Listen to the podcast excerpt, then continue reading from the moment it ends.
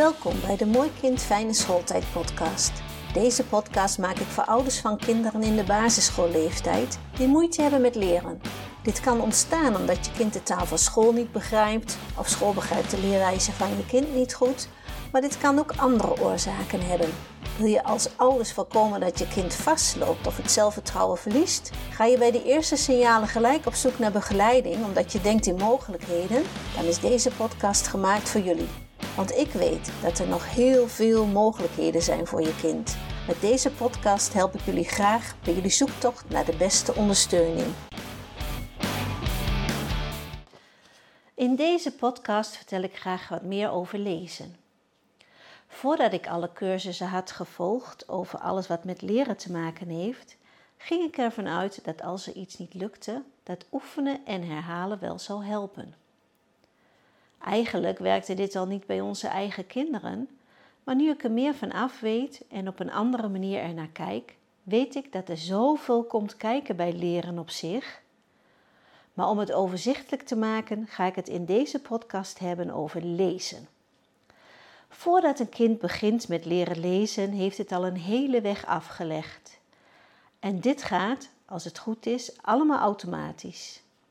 Alhoewel stimulatie, aandacht, tijd en liefde van en door betrokkenen rond een baby, kinderen en ook volwassenen de ontwikkeling natuurlijk wel versterkt. Horen, zien en bewegen leren we als baby vanuit reflexen. Deze reflexen zijn aangeboren. Horen, zien en bewegen gaan hand in hand. Een mooi voorbeeld is een baby die een rammelaar hoort. De baby zoekt met de ogen naar de geluidsbron. Enige tijd later zal een baby kijken naar de geluidsbron en deze ook willen grijpen.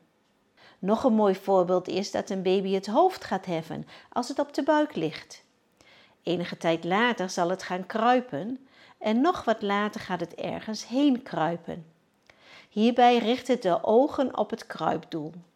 Naarmate het dichter bij het kruipdoel komt, verandert het scherpstellen van de ogen, want je komt natuurlijk steeds iets dichterbij.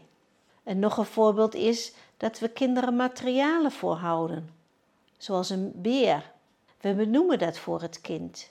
Zo zijn we bezig om het horen met het kijken of het zien samen te voegen. Als een kind de beer dan ook nog wil of gaat pakken, dan hebben we de motoriek er ook nog bij te pakken. De basis van onze hele ontwikkeling zijn de reflexen. Daar kom ik zeker nog een keer op terug.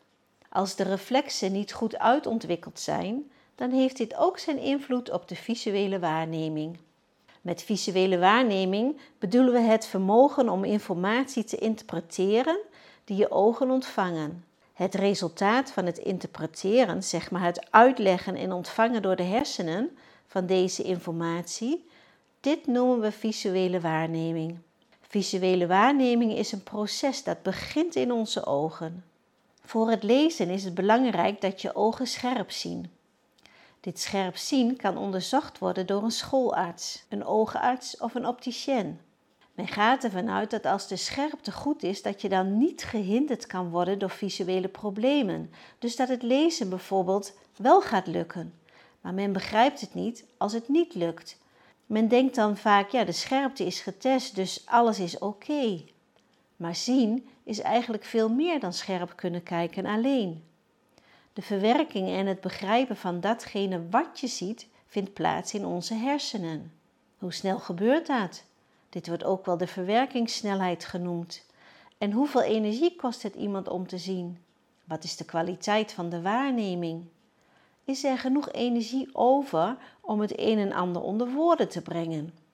Allemaal vragen waar je in eerste instantie niet aan denkt als de kinderen gaan leren lezen of gaan lezen. Een kind leert lezen tussen zijn vierde en ongeveer zijn zesde jaar. Net vertelde ik dat er al enkele basisvaardigheden geoefend worden in de babypeutertijd. Ook het maken van geluidjes wordt bij dit oefenen. Denk maar aan het brabbelen.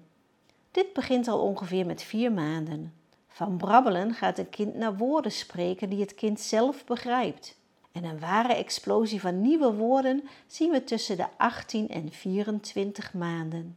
Het kind gaat zich beter uitdrukken en begint zich uit te drukken in twee woordenzinnetjes. Dit zal zo rond het tweede levensjaar zijn. En ergens tussen het tweede en derde levensjaar gaan kinderen symbolen onderscheiden. Ze leren dan ook de symbolen voor letters te onderscheiden, bijvoorbeeld de letters van hun eigen naam. Rond het derde jaar gaan ze zelf verhaaltjes verzinnen en vertellen. Rond het zesde jaar gaan kinderen hoofdletters onderscheiden van kleine letters. En rond hun zevende jaar kunnen ze als het goed gaat zelfstandig woorden lezen. Het lezen klinkt vloeiend en ze gaan vragen stellen over dat wat ze hebben gelezen. Maar goed, zover zijn we nog niet en er komt nogal wat bij kijken. Laten we e- eerst eens naar de aansturing kijken van ons lichaam. Onze rechterkant wordt door de linker hersenhelft aangestuurd en de linkerkant wordt door de rechter hersenhelft aangestuurd. Ons bewegingsapparaat wordt dus kruiselings aangestuurd. Als onze hersenen optimaal samenwerken, dan kunnen bewegingen vanuit beide lichaamshelften vlot en soepel verlopen. Is dit niet het geval en is het lastig om kruiselingse bewegingen uit te voeren, zoals je rechterhand naar je linkerknie of je linkerhand naar je rechteroor, dan heeft dit ook invloed op het gelijktijdig kunnen bewegen van je ogen.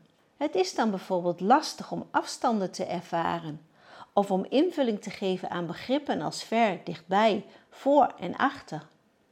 Als de kinderen het alfabet gaan leren, dan horen ze de klank van een letter en deze klank past bij een lettervorm.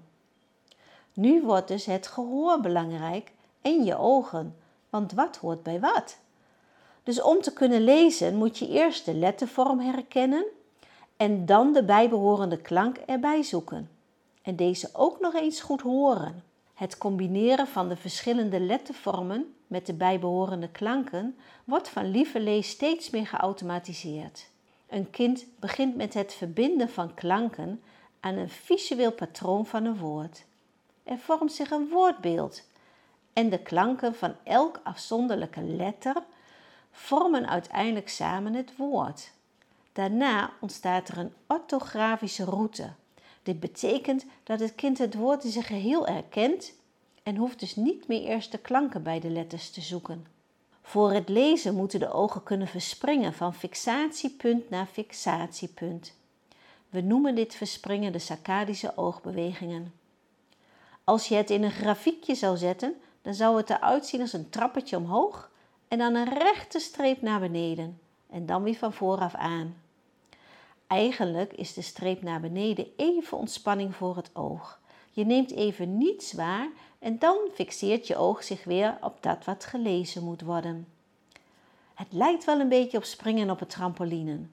Als je neerkomt, zet je af en de ontspanning zit hem in de val weer naar beneden.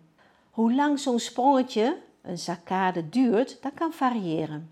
Optimaal is rond de 40 milliseconden. Dus na een saccade is er een fixatiemoment en in dit moment wordt de informatie verwerkt. Tijdens het maken van een oogsprong is er geen bruikbare waarneming.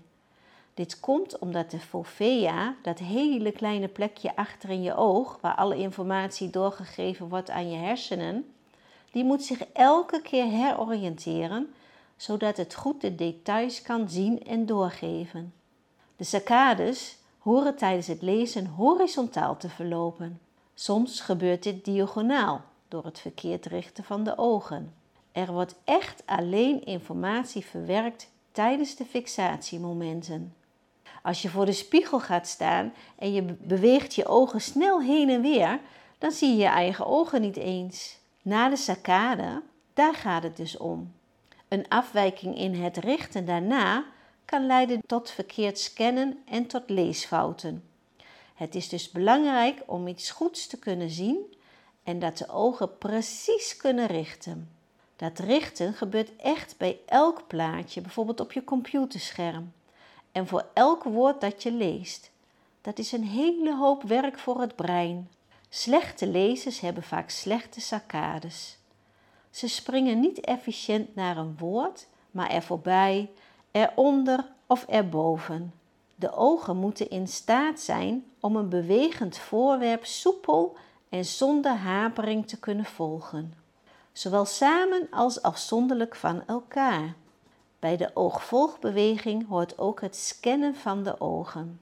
Dit is het in alle richtingen soepel kunnen bewegen van de ogen en ondertussen informatie kunnen herkennen en waarnemen. Als dit moeilijkheden oplevert, dan kom je dit tegen bij de leesprestatie. Het lezen gaat langzaam en het kind heeft behoefte aan bijwijzen. Het is daarom belangrijk dat deze kinderen dit gewoon mogen doen. Het perifere zicht is ook belangrijk bij het lezen. Dit is datgene wat waargenomen wordt met de ogen buiten het fixatiepunt om. Als we onze blik op een vast punt fixeren, dan nemen we daaromheen toch nog van alles waar. Denk daarbij bijvoorbeeld aan het rijden in het verkeer of met lezen. De letters naast de fixatieletter moeten ook worden waargenomen.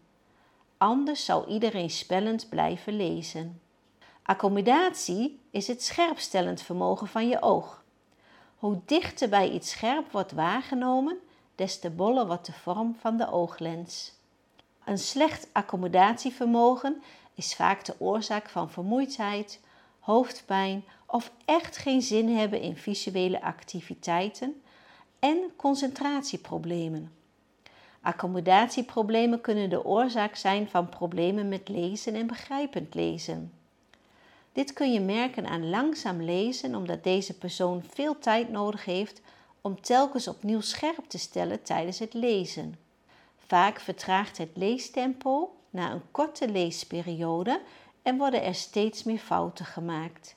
Ze herlezen woorddelen en er zijn veel haperingen. En dan hebben we nog de fusie.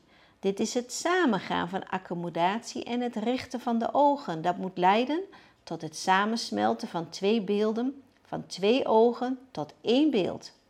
Dat is dus de fusie. Als een fusie slecht tot stand komt, heeft dit gevolgen voor het leren lezen en het leesbegrip. Alle genoemde onderdelen die belangrijk zijn voor het lezen, het kijken in het algemeen, maar ook wat van, vangt iemand aan geluid op en hoe snel, dit alles kan onderzocht worden en gelukkig zijn er oefeningen voor om dit te trainen, zodat het lezen daarna wel lukt. Ook op school kan er gelet worden op signalen, zodat er hulp ingezet kan worden.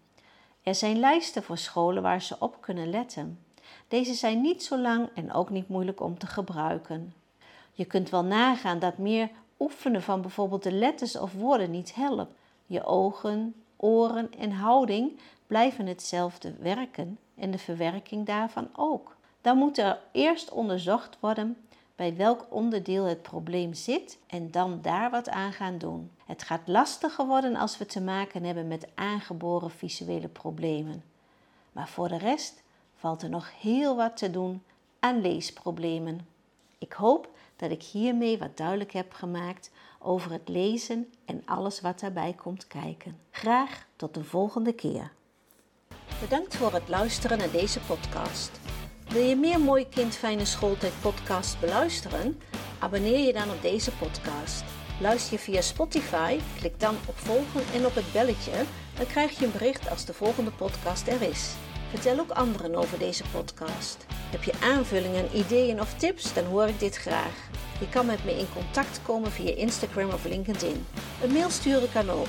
Stuur deze dan naar info.eigenleerweg.nl En natuurlijk mag je ook een review achterlaten. Heel graag tot de volgende aflevering.